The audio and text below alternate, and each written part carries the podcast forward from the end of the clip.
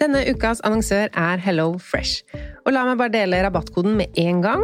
Gå inn på hellofresh.no og bruk fresh penge. Da får du opptil 1779 kroner rabatt. Og i dag tenkte jeg å snakke om matplanlegging ut ifra et hva vil jeg egentlig putte i kroppen min-perspektiv. Altså ikke hva som er godt, men hvor mange ganger i uka vil jeg spise fisk, f.eks. Og med Hello Fresh-appen så er dette så fint. Du velger bare ut fra en liste hvilke fem eller fire eller tre middager du vil spise uka etter. Og så kommer matkassa til deg på døra. Og du trenger ikke å tenke noe mer på hva du skal spise. Denne uka så blir det for meg to fiskeretter, to vegetarretter og en kyllingmiddag til guttene. Gå inn på hellofresh.no og se selv hva du kan velge mellom. Bruk koden FRESHPENGE for å få opptil 1779 kroner rabatt på de første seks matkassene dine, pluss gratis levering på den første kassa hvis du ikke har prøvd Hello Fresh tidligere. Rabatten kan du også bruke hvis du har vært kunde hos Hello Fresh, men det er mer enn tolv måneder siden. Har du et enkeltpersonforetak eller en liten bedrift? Da er du sikkert lei av å høre meg snakke om hvor enkelt det er å levere skattemeldingen med fiken, så vi eh, gir oss her. Fordi vi liker enkelt. Fiken superenkelt regnskap.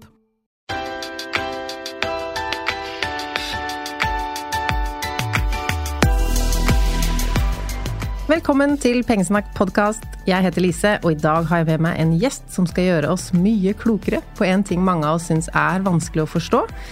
Så vanskelig at vi rett og slett nekter å prøve å lære oss noe om det. For det kan jo også være at om vi lærer oss noe om aksjer og aksjemarkedet, så investerer vi og taper sparepengene våre. Velkommen hit, Kristin Skaug. Tusen takk. Hyggelig å bli invitert. Hvor farlig er det å investere pengene sine i aksjer? Hvor farlig? Eh, nei, det er ikke veldig farlig. Eh, men det kommer jo litt an på måten du gjør det på. Eh, så der er det noen tips og triks. Det skal vi snakke om i dag. Og du jobber i noe som heter Aksjen Norge. Hva er det for noe? Ja, det er en ikke-kommersiell stiftelse. Hvor vi deler kunnskap til den norske befolkningen om eh, det å investere i aksjer og verdipapirmarkedet. Og vi har også et spesielt ansvar overfor de unge i videregående skole og studenter. Så vi er ute og holder litt forelesning der òg. Og så er vi litt opptatt av ja, hva skal vi si, at eh, forholdene ligger til rette for eh, at folk flest kan spare og investere i aksjer, så vi prøver å påvirke litt også på en forsiktig måte. Og hva jobber du med, eller hvordan ser din arbeidshverdag ut? Og den er veldig variert. Det, akkurat nå er det jo høst, og da arrangerer vi aksjekvelder rundt omkring i Norge. Hvor vi gjerne har 400 til 1000 deltakere på aksjekveldene, og så er kanskje 10-12 mennesker på scenen. Så det å organisere det. Passe på at vi har relevante og gode temaer, at det ikke blir markedsføring, men at de snakker om gode, kloke ting som folk skal lære seg. Og ellers så kan det være at sånn som jeg, rett før jeg kom hit, at jeg måtte sette av en halvtime på å svare på en e-post om noen som lurte på noe om markedsverdier på børsen. Og sånn personlig, er du glad i å spare eller bruke penger? Hvor ligger du på? Jeg er vel som folk flest. Eh, skulle gjerne ha spart mer, eh, brukt mindre. Eh, vært litt mer nøktern kanskje i perioder. Men ja, jeg har jo hatt månedlig spareavtale i fond i fryktelig, fryktelig mange år. Eh, og så kan jeg jo si at jeg faktisk hadde obligasjoner da jeg var i tenårene, som min mormor kjøpte til meg. Med kuponger som jeg måtte gå i banken og levere, så fikk jeg seks kroner per kupong. Men siden jeg var under 18, så fikk jeg det ikke cash, jeg måtte få det rett inn på sparekonto, som var sperret til jeg var 18 år. Så ja, jeg lærte opp til å spare, da. Så jeg har hatt ekstrajobber fra jeg var 14 år, så det, det liksom Det har kommet tidlig inn. Du begynte da å investere som tenåring, er det noe du tenker alle burde gjøre? Eller kanskje sånn, hvorfor skal man investere? For du sier jo dere jobber for at man skal få informasjon og skulle kunne investere. Og hvorfor skal man det? Er det ikke bedre å bare ha penga i sparegrisen? Ja, For det første så vokser jo ikke sparegrisen eh, med annet enn det du putter inn. Men eh, mens eh, i samtidig så ellers i samfunnet så øker prisene. Som vi har lagt merke til de siste årene. Alle merker jo at strømprisene har økt, men klærne, prisene på klær og sko, prisene på matvarer, som veldig mange merker, har jo også økt. Og så, for å bremse denne veksten, så har jo sentralbanken i tillegg satt opp rentene. Så det er blitt dyrere å bo også. Så Hvorfor vi da skal spare? Jo, for at de fleste av oss har jo ønsker eh, om å kunne ha det litt bedre hele tiden. Og da jeg var ung, så sparte jeg vel kanskje til noe nytt eh, sportsutstyr som jeg var, ønsket meg. Kanskje noen nye slalåmski eller lignende. Eh, og senere kunne reise, eh, og senere ha egen bolig. Så det er jo mange ulike sparemål vi har gjennom livet. og nå tenker jeg kanskje at eh, det å ha en eh, ålreit pensjon når jeg blir eldre, kan være ok. Og hvor langt fram i tid må et sparemål være før det er relevant å putte de sparepengene på børsen? Da bør du helst ha tre til fem års horisont. Og det handler om at det svinger veldig mye. Eh, og når jeg sier svinger mye, så handler det om at verden eh, endrer jo seg hele tiden. Eh, alle disse konfliktene vi opplever rundt omkring i verden, påvirker jo næringslivet vårt. Så for eksempel når det oppsto konflikt i Midtøsten nå mellom Hamas og Israel, så påvirket jo det med en gang oljeproduksjonen eh, i Midtøsten, kanskje, og eksporten av dette. Og man var kanskje bekymret for mindre olje, og da gikk jo oljeprisen opp. Og da går jo disse oljeaksjene rett opp, kanskje, og så andre selskaper går ned, for de må betale mye mer for oljen. Så dette her svinger veldig mye eh, fra dag til dag. og Derfor bør man tenke langsiktig når man skal inn i aksjemarkedet på børs. Og når man ser, jeg liker jo å finne sånne kurver over aksjemarkedet, så ser man at det svinger. Det ser jo ut som det er helt bingo opp og ned, men jo mer man zoomer ut, så ser man jo at det svinger oppover. Det svinger oppover, og det er jo ganske viktig å ha med seg. For hva er det vi egentlig ser svinger? Jo, det er verdien på selskapene. Eh, eller den forventede verdien på selskapene. Og hva er et selskap? Jo, et selskap er jo rett og slett en bedrift som er laget for å tjene penger til eierne sine. Om det er den lille kiosken på hjørnet som selger wienerpølser og eh, cola, eller om det er eh, store Orkla som selger eh, pizza Grandiosa eller Tropicana-jus som vi ser på middagsbordet hjemme. Hva kan man investere i? Jeg tenker sånn, Aksjer, fond, folk veit ikke forskjellen må man investere i aksjer gjennom et fond? Hvorfor er det noe som heter fond, og noe som heter aksjefond, og noe som heter indeksfond? Folk er forvirra, og det gjør at de ikke tør å starte. Så nå vil vi ha helt basic. Basic. Eh, det handler jo om hvor involvert ønsker du å være. Eh, og det handler også om litt om erfaring og kunnskap. Eh, men de fleste av oss går jo på jobb. De fleste av oss er busy fra klokken åtte til fire. Hvis du skal handle i enkeltaksjer, eh, så, og i hvert fall aksjer som svinger mye, som har vært veldig populære å investere Mange har jo investert i, gjerne i Norwegian-aksjer eller Kahoot, eller gjerne noen shippingselskaper. Og alle disse veldig, får veldig mange nyheter i løpet av dagen eller i løpet av ukene og derfor svinger de også litt mer i verdi. Så hvis du er en person som er veldig busy fra åtte til fire, og ikke kan følge med så mye, eller har så mye tid til å gjøre dette, så burde du jo strengt tatt ikke være i enkeltaksjer som kan svinge mye i verdi. Men hvis du er i f.eks. store eh, børsnoterte selskaper, sånn som Hydro og Yara og Equinor og DNB og Telenor, bare for å nevne noen av de mhm. største, mm. så svinger det, ja, en del også, men her er forutsigbarheten betydelig større enn i et kanskje et nyoppstartet selskap som har kommet på børs. Så, det, så i forhold til børs, om du skal gå inn og tørre å gå inn der, det handler om hvor store svingninger du tåler å se i løpet av en dag eller uke, hvor stor forutsigbarhet du ønsker, eh, og hvor involvert du kan være. Og så når du spør om aksjefond, da, så er jo det rett og slett sånn at da har du egentlig satt bort jobben med å velge disse aksjene til noen andre. Eh, og et aksjefond det er rett og slett en eh, pulje av ulike selskaper det investeres i. Den som gjør denne jobben, heter forvalter eller aksjefondsforvalter. Og den er ansatt av en, gjerne et fondsselskap som vi som vanlige mennesker merker jo ikke om et selskap heter meglerhus eller fondsselskap, men er en bank, da. Eh, så denne forvalteren har et konkret mandat, altså regler som den får lov å investere i. Eh, de investerer etter, og det kan handle om f.eks. hvis det er et norsk aksjefond, så må man forholde seg til norske aksjer. Og Hvis aksjemarkedet går skikkelig dårlig, og det ser ut som Norge kommer til å gå dårlig de neste to-tre årene, så kan ikke forvalteren heller selge alle aksjene sine, men prøve å finne de aksjene som eh, kan være best i den tiden vi er i akkurat her og nå. Og så er det det med indeksfond, for de skal jo bare følge en indeks. Og så sier mange ja, men hva er en indeks, da? Hva er det? Jo, kall det en temperaturmåler på børsen. Den, hvis du har en Oslo Børs sin hovedindeks, den eh, er på en måte en slags temperaturmåler på hvordan børsen utvikler seg samlet sett. Hvis du har Nasdaq, som er en teknologibørs i USA, så viser den hvordan disse selskapene også utvikler seg i sum over tid. Men så er det greit å ha med seg at noen av selskapene på børsen er jo fryktelig store. Så hvis Oslo Børs stiger mye, så kan det f.eks. ha mye med oljeselskapene, og spesielt Equinor. Equinor utgjør en fjerdedel av børsen. Ja, Så den aleine klarer å Ja, og det er det samme sånn som med Apple og Amazon og Alphabet i USA og Nasdaq-børsen. At de få teknologiselskapene, de, man snakker om The Magnificent Seven, de eh, trekker børsen veldig mye enten opp eller ned hver dag, for de utgjør så veldig stor andel av denne kurven av aksjer, denne indeksen.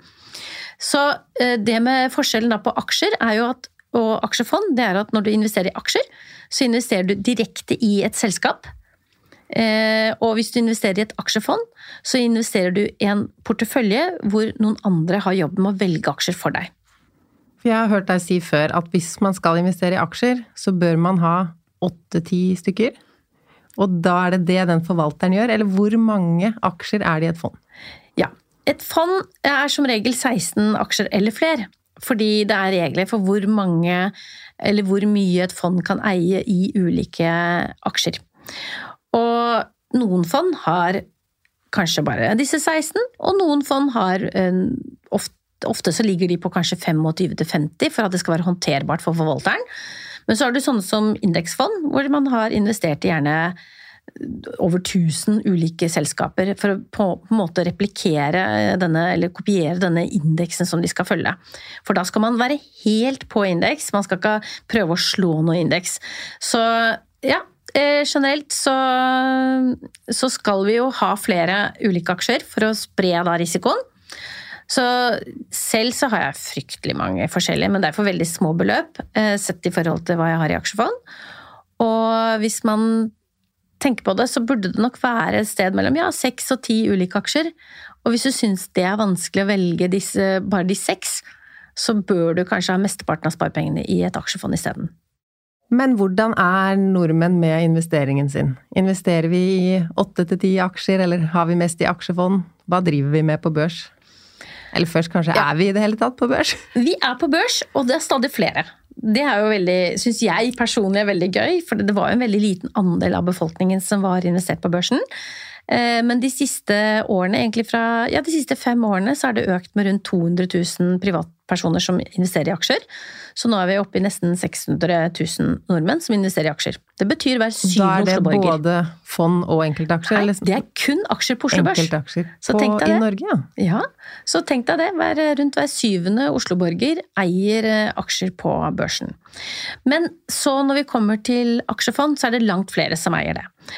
Og der er det litt sånn fordi veldig mange har startet en spareavtale i nettbanken sin, hvor man har et fast trekk kanskje på lønningsdagen, 500 kroner kanskje, i et vanlig globalt indeksfond, eller et globalt fond. Eh, og da tikker og går denne sparingen av seg selv. Men eh, Så her ser vi at det er rundt halvannen million nordmenn som har aksjefond. Og så har du jo veldig mange av oss, vi er jo også i jobber i det private næringsliv, så vi har jo aksjer investert eh, gjennom pensjonsordningen vår. Og i tillegg, som er litt morsomt å vite, er jo at eh, oljefondet, som vi alle nordmenn er medeier i, sånn, vi har ikke noen påvirkningsmulighet, eller i hvert fall ikke i det daglige, og der eier vi alle sammen i snitt aksjer for to millioner kroner. Så da kan man jo tenke at hvis landet vårt tør å investere alle sparepengene våre, og de tør å investere pensjonen vår, så er det kanskje ikke så skummelt. Men det Nei. føles allikevel skummelt. Her setter man pengene inn i noe ja, og det er jo nettopp det der. Hvordan gjør du dette? Hvordan, hvordan, skal du velge aksjer du skal investere i? Og det er her vi privatpersoner bommer eh, totalt. For det første så er det veldig mye etter innfallsmetoden.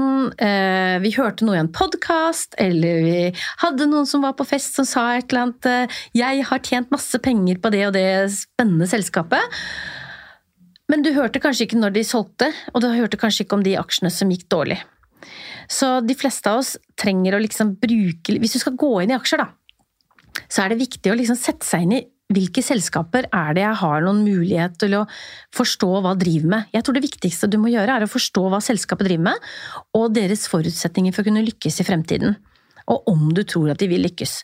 Og så er det liksom snakk om er det nær fremtid, eller er det lang fremtid? Eh, og en del av disse nye selskapene som satser på f.eks. For fornybar energi, eh, på helse og den type ting, der kan det være at de har en kanskje litt tøff og vanskelig periode i starten. Og da skal jeg være såpass kynisk og si at småsparere trenger ikke å være med på den første nedturen. Kan heller vente til det har liksom fått modnet seg litt. Og så sier mange at ja, men da får du ikke vært med på den store bevegelsen. Nei. Men du får også med deg den store bevegelsen ned. Og det ser vi jo på en rekke av disse nye selskapene eh, som du finner på en av børsens markedsplasser, eh, hvor det er mange nye og gode og spennende selskaper som jobber for det gode som vi trenger i fremtiden. Men hvilke av disse selskapene som vil lykkes over tid, det vet vi ennå ikke. Og om de vil lykkes. Så det å heller kanskje eh, gå litt høyere opp på lista, velge litt eh, større selskaper osv., gjør det litt eh, Kanskje litt enklere for deg. Og så sporer jeg jo helt av, Lise. For at uh, Dette med aksjer, hva skal, vi, hva, skal begynne, hva, skal vi, begynne, med, f.eks.? Uh, og det er jo det at hvis du ikke har kapasitet til å velge deg flere ulike selskaper, så sier jeg for n-te gang jeg har velget fond. Start med fond. Få litt erfaring, få det litt under huden. Få den følelsen av å se at verdiene på sparingen din svinger i verdi. Eh, og når du liksom ser at ok, men det er ok at det faller med 2 eller 3% eller kanskje 5 eller 10% men det er også greit å ha noen grenser for hvor store fall du er villig til å se. For det er lov å erkjenne at man noen ganger velger feil. Eh, og hvis du velger et globalt fond, så har du egentlig valgt noe som er gjennomsnittet av hele verden, og hele verden har som intensjon om å gjøre det bedre over tid. Og så vil det være perioder hvor det er vanskeligere. Nå er vi inne i en periode hvor det er vanskelig med det geopolitiske, altså det med krig og, og vanskelige situasjoner. Eh, og, men så vil dette kanskje få satt seg litt, og da begynner markeden, aksjemarkedene å gå og rulle og gå igjen. Eh, typisk under pandemien så skulle jo alle på hjemmekontor. Da så du hvilke aksjer som gikk eh, brutalt raskt opp, og det var jo selskaper som hadde egentlig ligget stille og vært litt sånn kjedelig å investere i. Det var sånn som selskaper som Zoom, som drev med videomøter. Du hadde selskaper som Peloton, som drev med hjemmetrening med, med din personlige trener digitalt. Eh, de aksjene gikk jo veldig mye under den perioden. Men det man burde da ha tenkt seg om på forhånd når man kjøpte disse aksjene, var ok, hvilken exit-strategi skal jeg ha? Når skal jeg ut av disse aksjene? Tenker du at man alltid skal det når man investerer i en enkelt aksje? Ja, man bør ha det. Jeg må vite når jeg skal Ja. Fordi det, eh, det er altfor lite snakk om exit-strategi. Mm. At når er det jeg skal ut av denne investeringen? Er, eller hva er det som trigger at jeg må ut? Eh, og det kan jo være at når du går inn på en sånn kortsiktig hendelse, sånn som pandemien når den slo inn over oss, så var det en kortsiktig hendelse. Da bør du også ha en tanke om er, når er det jeg er fornøyd med den avkastningen jeg får? Og veldig mange så jo at de fikk faktisk 50% og 100% avkastning på disse aksjene. Og så er jo spørsmålet eh, sikret man denne gevinsten når det hadde steget, eller var det sånn at man faktisk bare ble med på den nye nedturen når, når hverdagen kom tilbake? Så, så, det er jo et viktig aspekt ved det at når du går inn i investeringer, sett deg noen mål. Hva er det du ønsker å tjene på investeringene dine? Og du har helt sikkert ulike avkastningskrav til de ulike selskapene. Velger du f.eks. Orkla eller DNB, for eksempel, så har du helt andre avkastningskrav enn hvis du velger et med høyere risiko, hvor det er f.eks. innenfor shipping, da, hvor du må kanskje ha litt mer tålmodighet til å tåle litt større ned, turer nedover, men du må også passe på at du sikrer gevinsten når den virkelig har steget mye også. Så hvis jeg er investert i et fond, så trenger jeg ikke noe exit-strategi. Oi, det gikk ned, da må jeg sikre noe. Men i enkeltaksjer så må jeg det. Ja, i hvert fall i forhold til det å sikre gevinster og redusere mulighetene for tap på nedsiden. Men du skal også ha en exit-strategi på fondene dine. For hvis det faktisk er slik at du tenker ah, jeg skal spare til eh, større bolig, og om fem år, eller si om ti år, da, så skal vi flytte. Eh, og så sparer du fond, månedlig trekk, og du har kanskje kickstartet sparingen din og litt sånt nå. Men når det begynner å nærme seg når du trenger pengene, så er det lurt å begynne å trekke seg forsiktig ut av markedet. Så hvis du har ett år igjen til du trenger pengene, så er det lurt å begynne å liksom trekke litt forsiktig ut igjen. Og da er nok en gang pandemien et veldig godt eksempel. For hvis du var en av de som hadde overtagelse på leilighet juni 2020, da var det fullstendig nedstengning. ikke sant? Aksjemarkedene hadde falt 30-40 eh, litt avhengig av hvor du var hen. Og hvis du hadde investert eh, og hadde 1 million kroner i fond da, og aksjemarkedene falt eh, de få månedene på 20-30% så hadde du 30% mindre i egenkapital til å kjøpe denne boligen for. Da hadde jeg ikke hatt råd. Da hadde du ikke hatt råd. Da måtte du kanskje utsatt det ett eller to eller tre år. Så nettopp derfor skal du være langsiktig, også med aksjefond. Og så er det lurt, hvis du skal trenge sparer til noe spesielt, at du har en exit-strategi for når du skal gå, begynne å gå ut av markedet igjen. Det kan også være som en pensjon. Og så sa du jo man skal velge sine selskap, og da veit jeg ikke om man eh, går og leser kvartalsrapporter og følger med på den måten, eller om man er mer sånn 'jeg handler på den butikken her hele tida, jeg har lyst til å være investert i den aksjen'. Eh, men uansett strategi så blir man jo litt forelska i aksjen sin, kanskje. Og spesielt sånn Zoom, da, jeg ser den har gått så og så mye opp. Det er min favorittaksje fordi jeg har tjent så mye på den. Er det Ja, altså det er jo største problemet med oss, er at vi har noen sånne personlige knytninger til den investeringen vi kanskje har gjort. At vi ja, eh, har brukt det mye og har god kjennskap til det. Men problemet er at hvis, vi, hvis dette begynner å gå mot oss, og vi slutter å tro på den investeringen, men begynner å håpe, da har vi tapt. Da må du bare begynne å liksom gå et steg tilbake, få litt sånn helikoptersyn på dette. Hvordan ligger det egentlig an? Vil dette være noe som er vellykket fremover? Men sånn ellers så har du jo ulike strategier du kan bruke når du skal investere. Du kan velge å si at nei, jeg skal bare velge blant de største selskapene på børsen. Jeg skal velge f.eks. bare kvalitetsselskaper. Eh, noen analytikere har liksom laget en sånn huskeliste på hva er typisk kvalitetsaksjer. Det kan være f.eks. selskap hvor man er hvor man ser at det er orden i rekkene på ledelsen. At de du, du hører sjelden om at de skjeller ut de ansatte eller må ta pushup som straff for at de ikke solgte nok forrige måned. Eh, for det var det jo selskap, et selskap som ble kjent for. Eh, hvordan er økonomien i selskapet? ikke sant? Eh, de hvis de har høy gjeld og rentene stiger, hvordan er den gjelden i forhold til inntektene deres? Vil de klare å betjene den gjelden? Eller er dette så lite gjeld i forhold til andre eiendeler at det har ikke noe å si? Eh, og så kan du følge med på og går de med overskudd. Ikke sant? Investerer du i et selskap som ikke går med overskudd ennå, så er det greit å vite at det er, eh, da er det høy risiko. Det er ikke sånn typisk kvalitetsselskap. Det kan godt være at menneskene som jobber der er fantastiske og ideene er utrolig, eh, men da må du også være klar over at det tar lengre tid før du som aksjonær kanskje både ser at aksjen stiger i verdi, eller at de deler ut deler av overskuddet sitt til deg som utbytte. Ja, for det var Skulle du si noe? Ja, for det var kanskje neste spørsmål. det var neste tema. For det er liksom, eh, kan man dele det litt i to? At det er én type aksjer som man kan tjene veldig masse på fordi de er nye, og du har muligheten til å være med på en stor reise. Men så har du de store, kjedelige som Det er ikke sånn at plutselig Tomra eller Orkla-aksjen bare fjoff, 15-dobler seg. Men de kan fjoff, som du sier. Fordi plutselig så kan det være at eh, f.eks. med Tomra, da, at det plutselig er et land som eh, eh, kommer nye regler da, som sier at folk må pante mer, f.eks. Mye mer fokus på resirkulering, eller de driver med mye mer enn bare sortering av pant. Det er bare ett av tre store forretningsområder.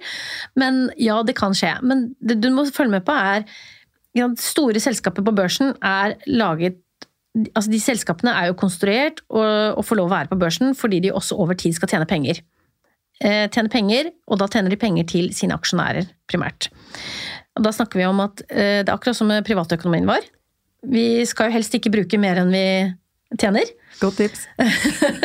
Så, eh, for da må du låne penger, og det er jo dyrt å låne penger. Og har du dårlig tid og trenger penger fort, så er det veldig dyrt å låne penger. Også for bedrifter. Så de fleste selskapene eh, har jo som mål å gå med overskudd, og det overskuddet kan de jo velge om de skal bruke til å investere i nye produksjonsanlegg eller nye produktlinjer eller eh, vekst i et annet område osv. Eh, og da kan de si at nei, det blir ikke noe utbytte i år, for alt skal brukes til nye satsingene våre. Eksempel, kanskje de skal satse, Hvis du er et oljeselskap da, skal begynne på å satse på havvind f.eks., så kan det være at de sier at nei, 10 av overskuddet skal gå til de satsingene. Og så kan de velge å si at nei, 50% av dette overskuddet skal deles ut tilbake til aksjonærene som et utbytte. Og der er det jo ekstra spennende, for vi har veldig mange selskap på børsen som har en tydelig utbyttestrategi. Nettopp fordi at de fleste selskapene også skal gå med overskudd. Eh, og der har de tydelig utbyttestrategi hvor de sier at de skal betale ut eh, kanskje 40 eller 50 av overskuddet hvert år. Eh, noen betaler ut kvartalsvis, og noen betaler ut årlig. Og det er basert på hvordan det har gått tidligere i selskapet. Så da har du noe som kalles utbytteaksjer, som er veldig sånn forutsigbarhet forbundet med disse aksjene. Og det er gjerne selskaper som ikke ser så veldig spennende ut, eller har noen revolusjonerende ideer. Altså, ja, du nevnte Tomra, kanskje, eh, men Orkla, Storebrand altså, Dette er selskaper som eh, holdt på å si ruller og går. Eh, og det kan jo selvsagt gå veldig dårlig for dem også, men de har tydelige utbyttestrategier. Og nettopp derfor så ser vi at over 20 000 nordmenn eier jo aksjer i en eller annen lokal sparebank. Fordi der har man kanskje fått en direkteavkastning, altså en utbytteutbetaling, som tilsvarer rundt alt fra 5 til 10% av aksjekursen. Så du kan være aksjonær og tjene penger underveis ved at du får utbetalt utbytte. Eh, og du kan være aksjonær ved å tjene penger på at aksjen stiger i verdi. Eh, og at du selger den. Men da må du selge den. Da får du ikke utbytte senere. Så når jeg møter noen som sier sånn 'jeg elsker utbytteaksjer', ja. er det fordi de liker å få de pengene ut? Og det selskapet kan jo også si men nå er vi ikke et utbytteselskap de neste åra fordi vi skal Eller er det sånn nå er vi et utbytteselskap, da veit vi at det kommer, ja, det... også når det går dårlig med selskapet? Utbytteaksjer er ikke en sånn noe du registrerer deg for. Ikke, du, du, kan ikke klikke på liksom i nettbanken at nå skal jeg bare ha opp listen med utbytteaksjer. Det er det ikke, for dette handler jo om hvordan økonomien i selskapet går. Det er som økonomien vår også. Plutselig så har vi ikke lyst til å jobbe for arbeidsgiveren vår lenger, eller vi mister jobben, eller det skjer noe som gjør at vi får det litt tightere på økonomien hjemme. Eh, og sånn er det for selskapene òg. Det kan komme reguleringer som gjør at det blir dyrere å drive, de får høyere skatter over natten kanskje, som gjør det vanskelig for dem å dele ut dette utbyttet. At de må betale mer, at det er større kostnader i selskapet.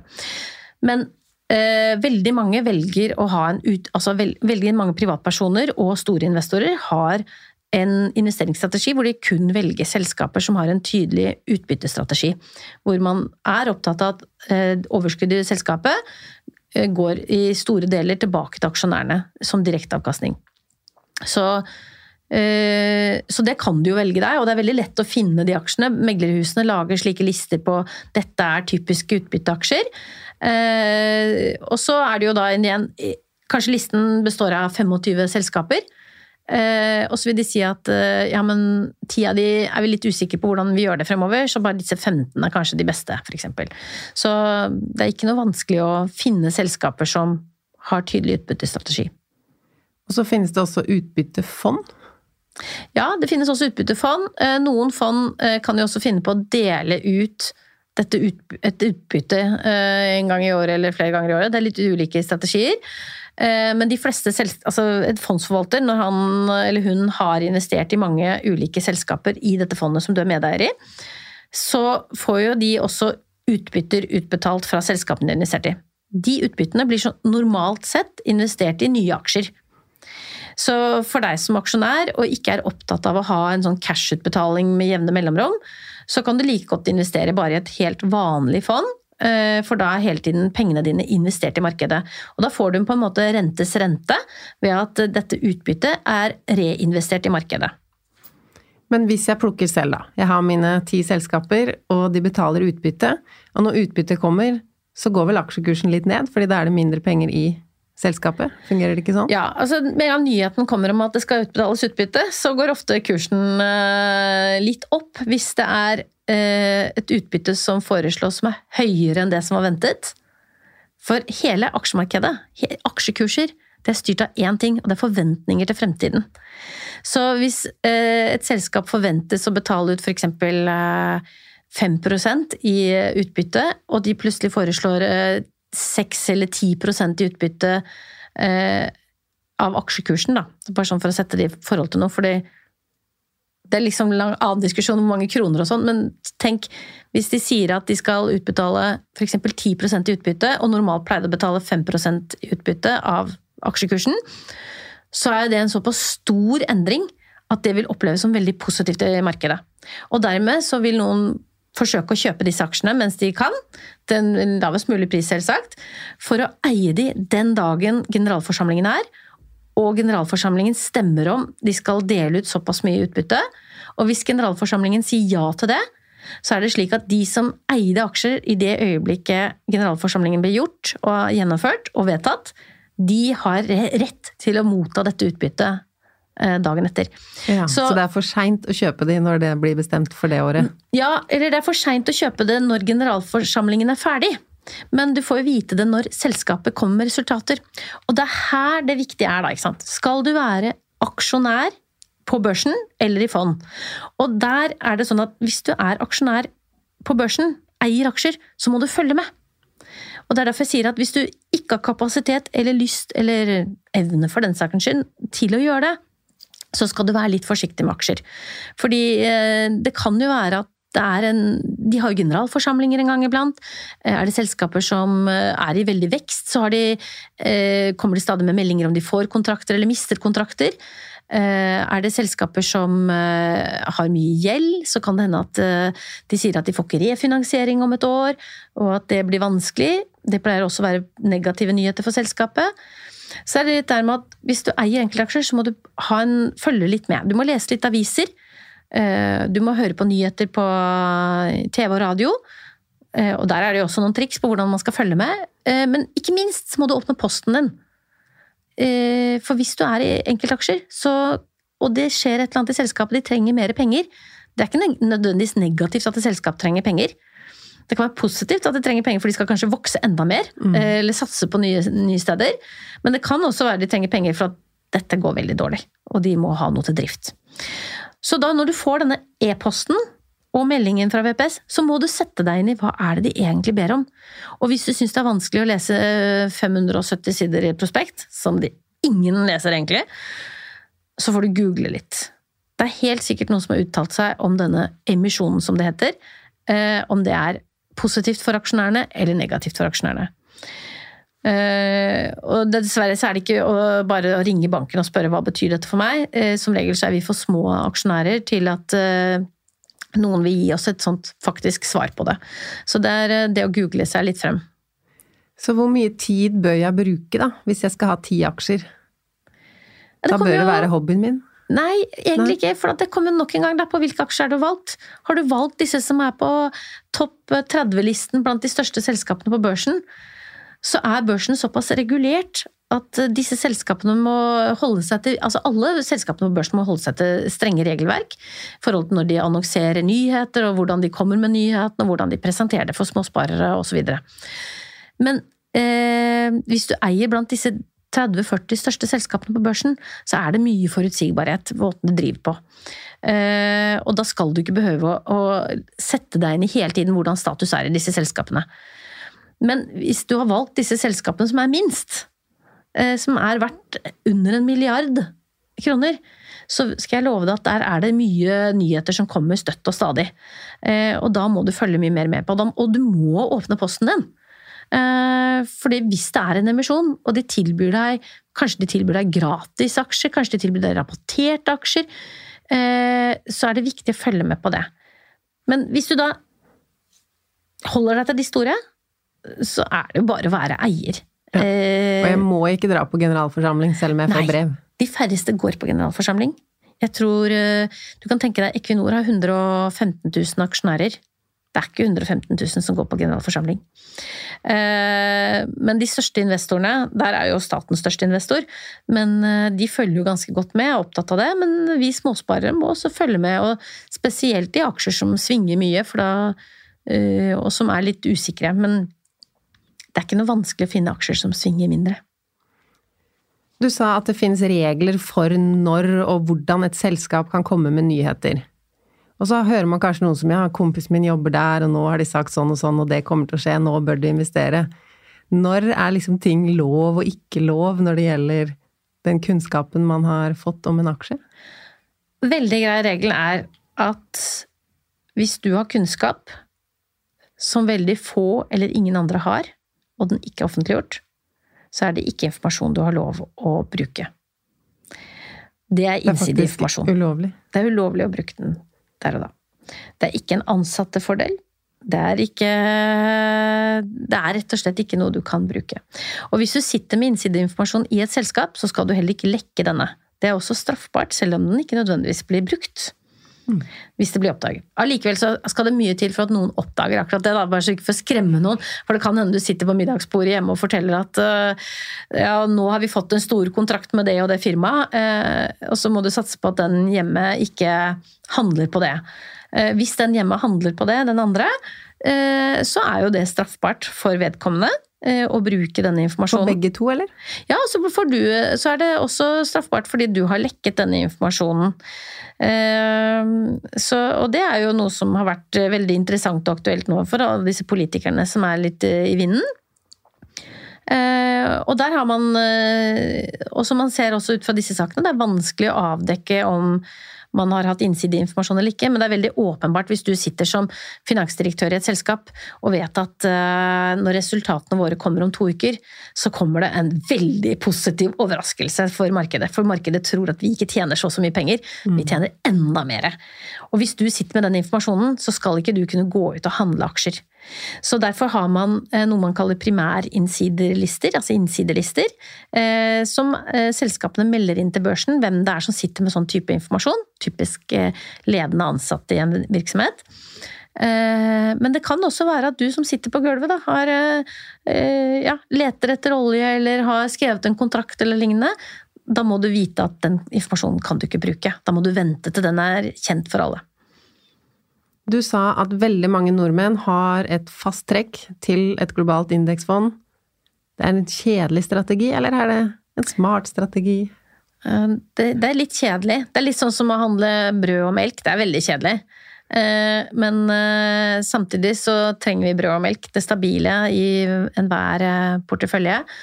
Men du kan jo, for at det skal være litt mer interessant å følge med på, så kan du jo investere også i sektorfond.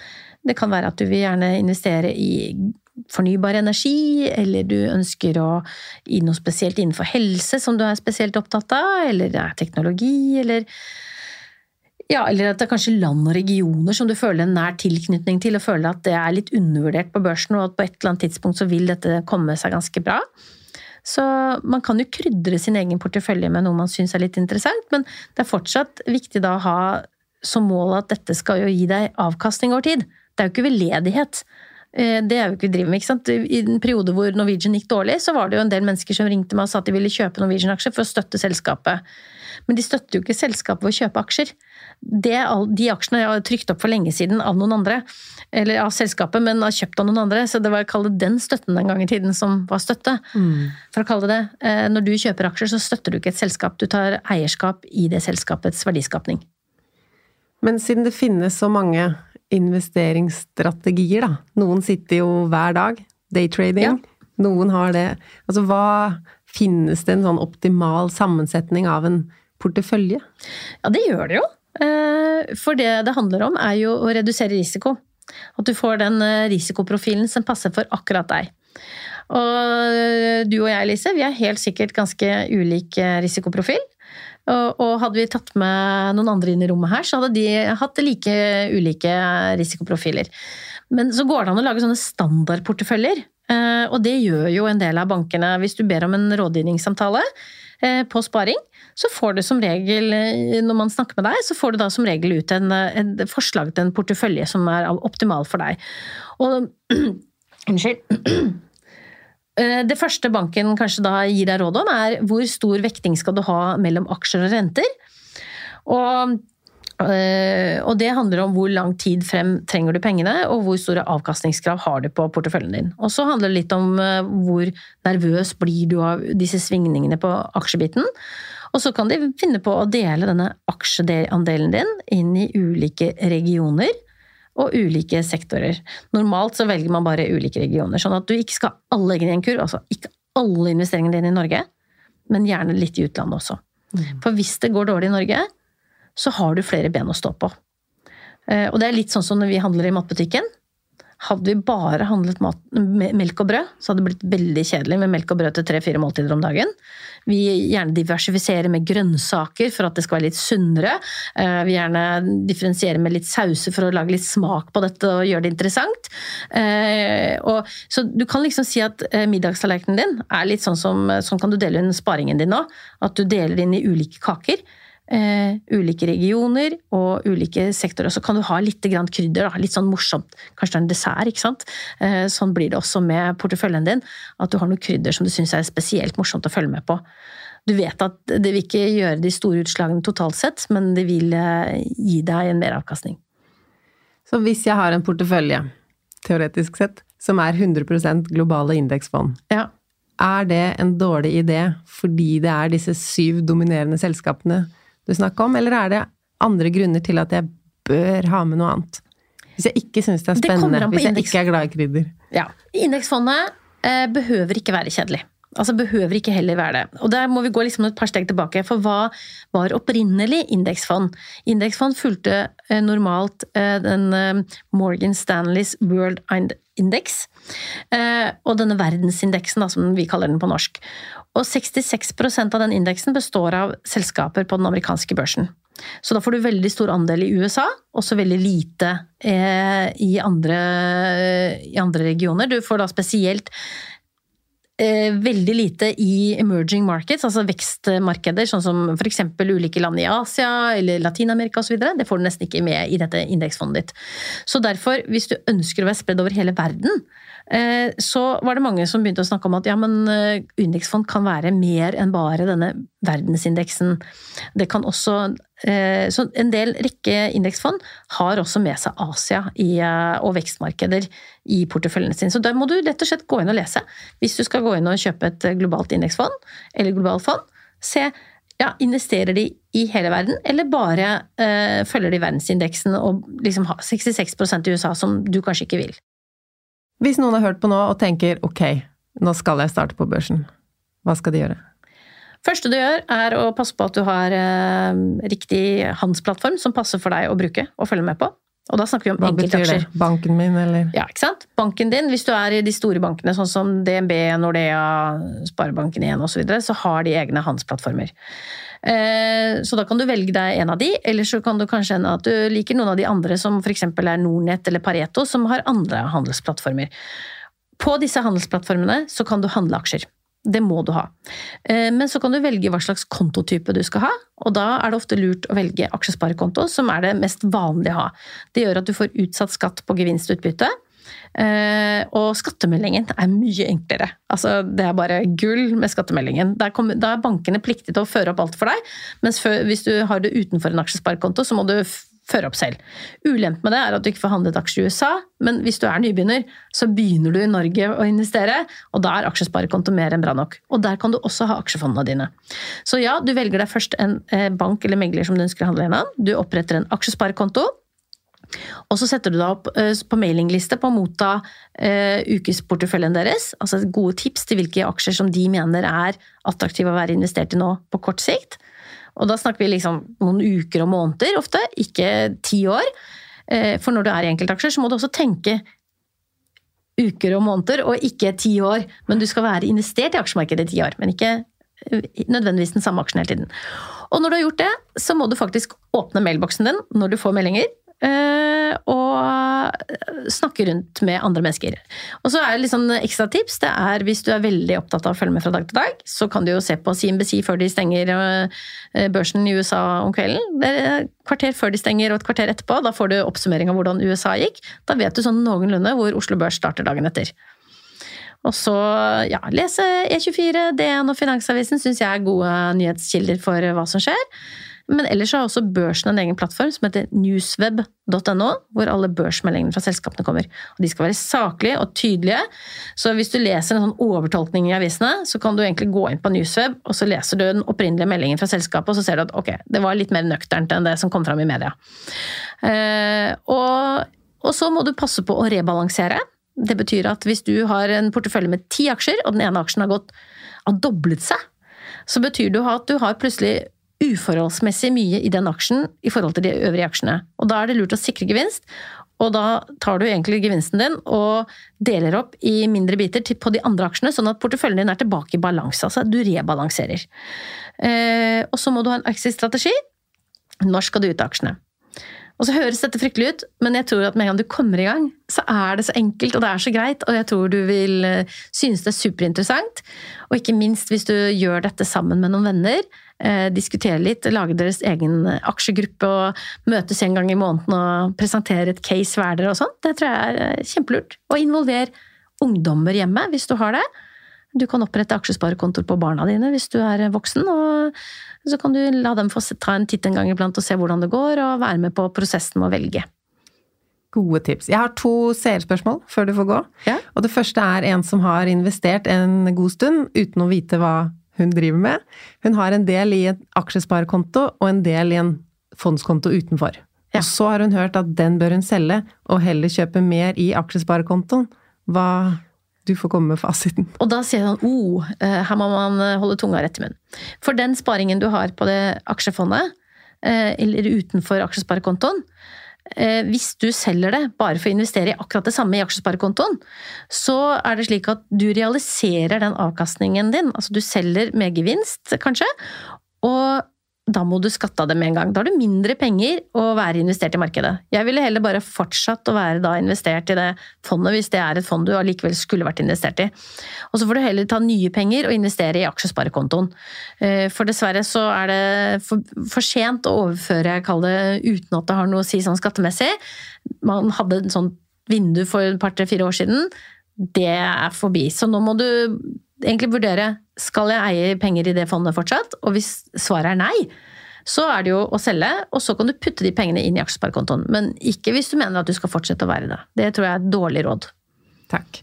Og så er det en annen som har bestemt at nå vil jeg ikke ha noen aksjer som har noe med Israel å gjøre. Hvordan går jeg fram overfor fondsforvalterne? Og det er en hardnøtt. Eh, da har du helt sikkert en som ikke har noe med Israel å gjøre. Det skal jo mye til. Eh, for Israel er vel Der har du jo alt fra McDonald's til eh, Starbucks til Ikea. Altså jeg vil tro du har de fleste selskaper som opererer der. Eh, da må du jo, hvis du er et fond, da, så må du jo gå inn og se, sjekke fondslisten. Og så om du ser selskaper som du vet at opererer der, og du mener at det ikke er riktig. Vi hadde jo tilsvarende problematikk når det kom til Russland så var det jo Og da de invaderte Ukraina, så var det jo mange som eh, ønsket å ikke være investert i selskaper som opererte der. Og det, Du må huske på at selskapene også bruker litt tid med å gjøre den vurderingen. Er det riktig å trekke seg ut av landet eller ikke? Er det, viktig, eh, er det riktig av oss å øh, faktisk gjøre det, eller fortsatt tenke på alle de menneskene som mister arbeidsplassene sine?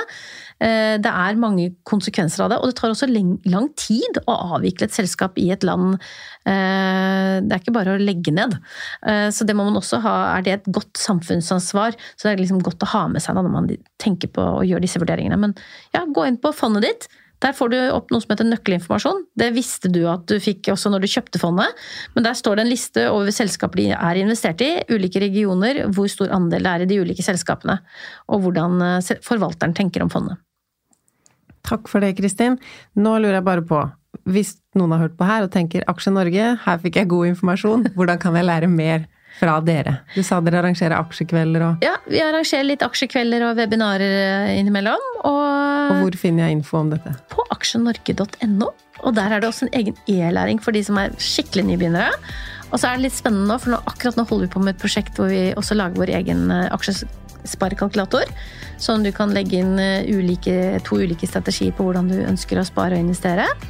Eh, og den håper vi at det blir en sånn slags julegave til folket, sponset av Finansmarkedsfondet. Men eh, det, det, er en av de tingene vi jobber med. Så gå inn på nettsidene våre, der finner du masse informasjon. Og vi, vi, har, vi, har, vi gir ikke personlige råd, men vi kan dele mye kunnskap.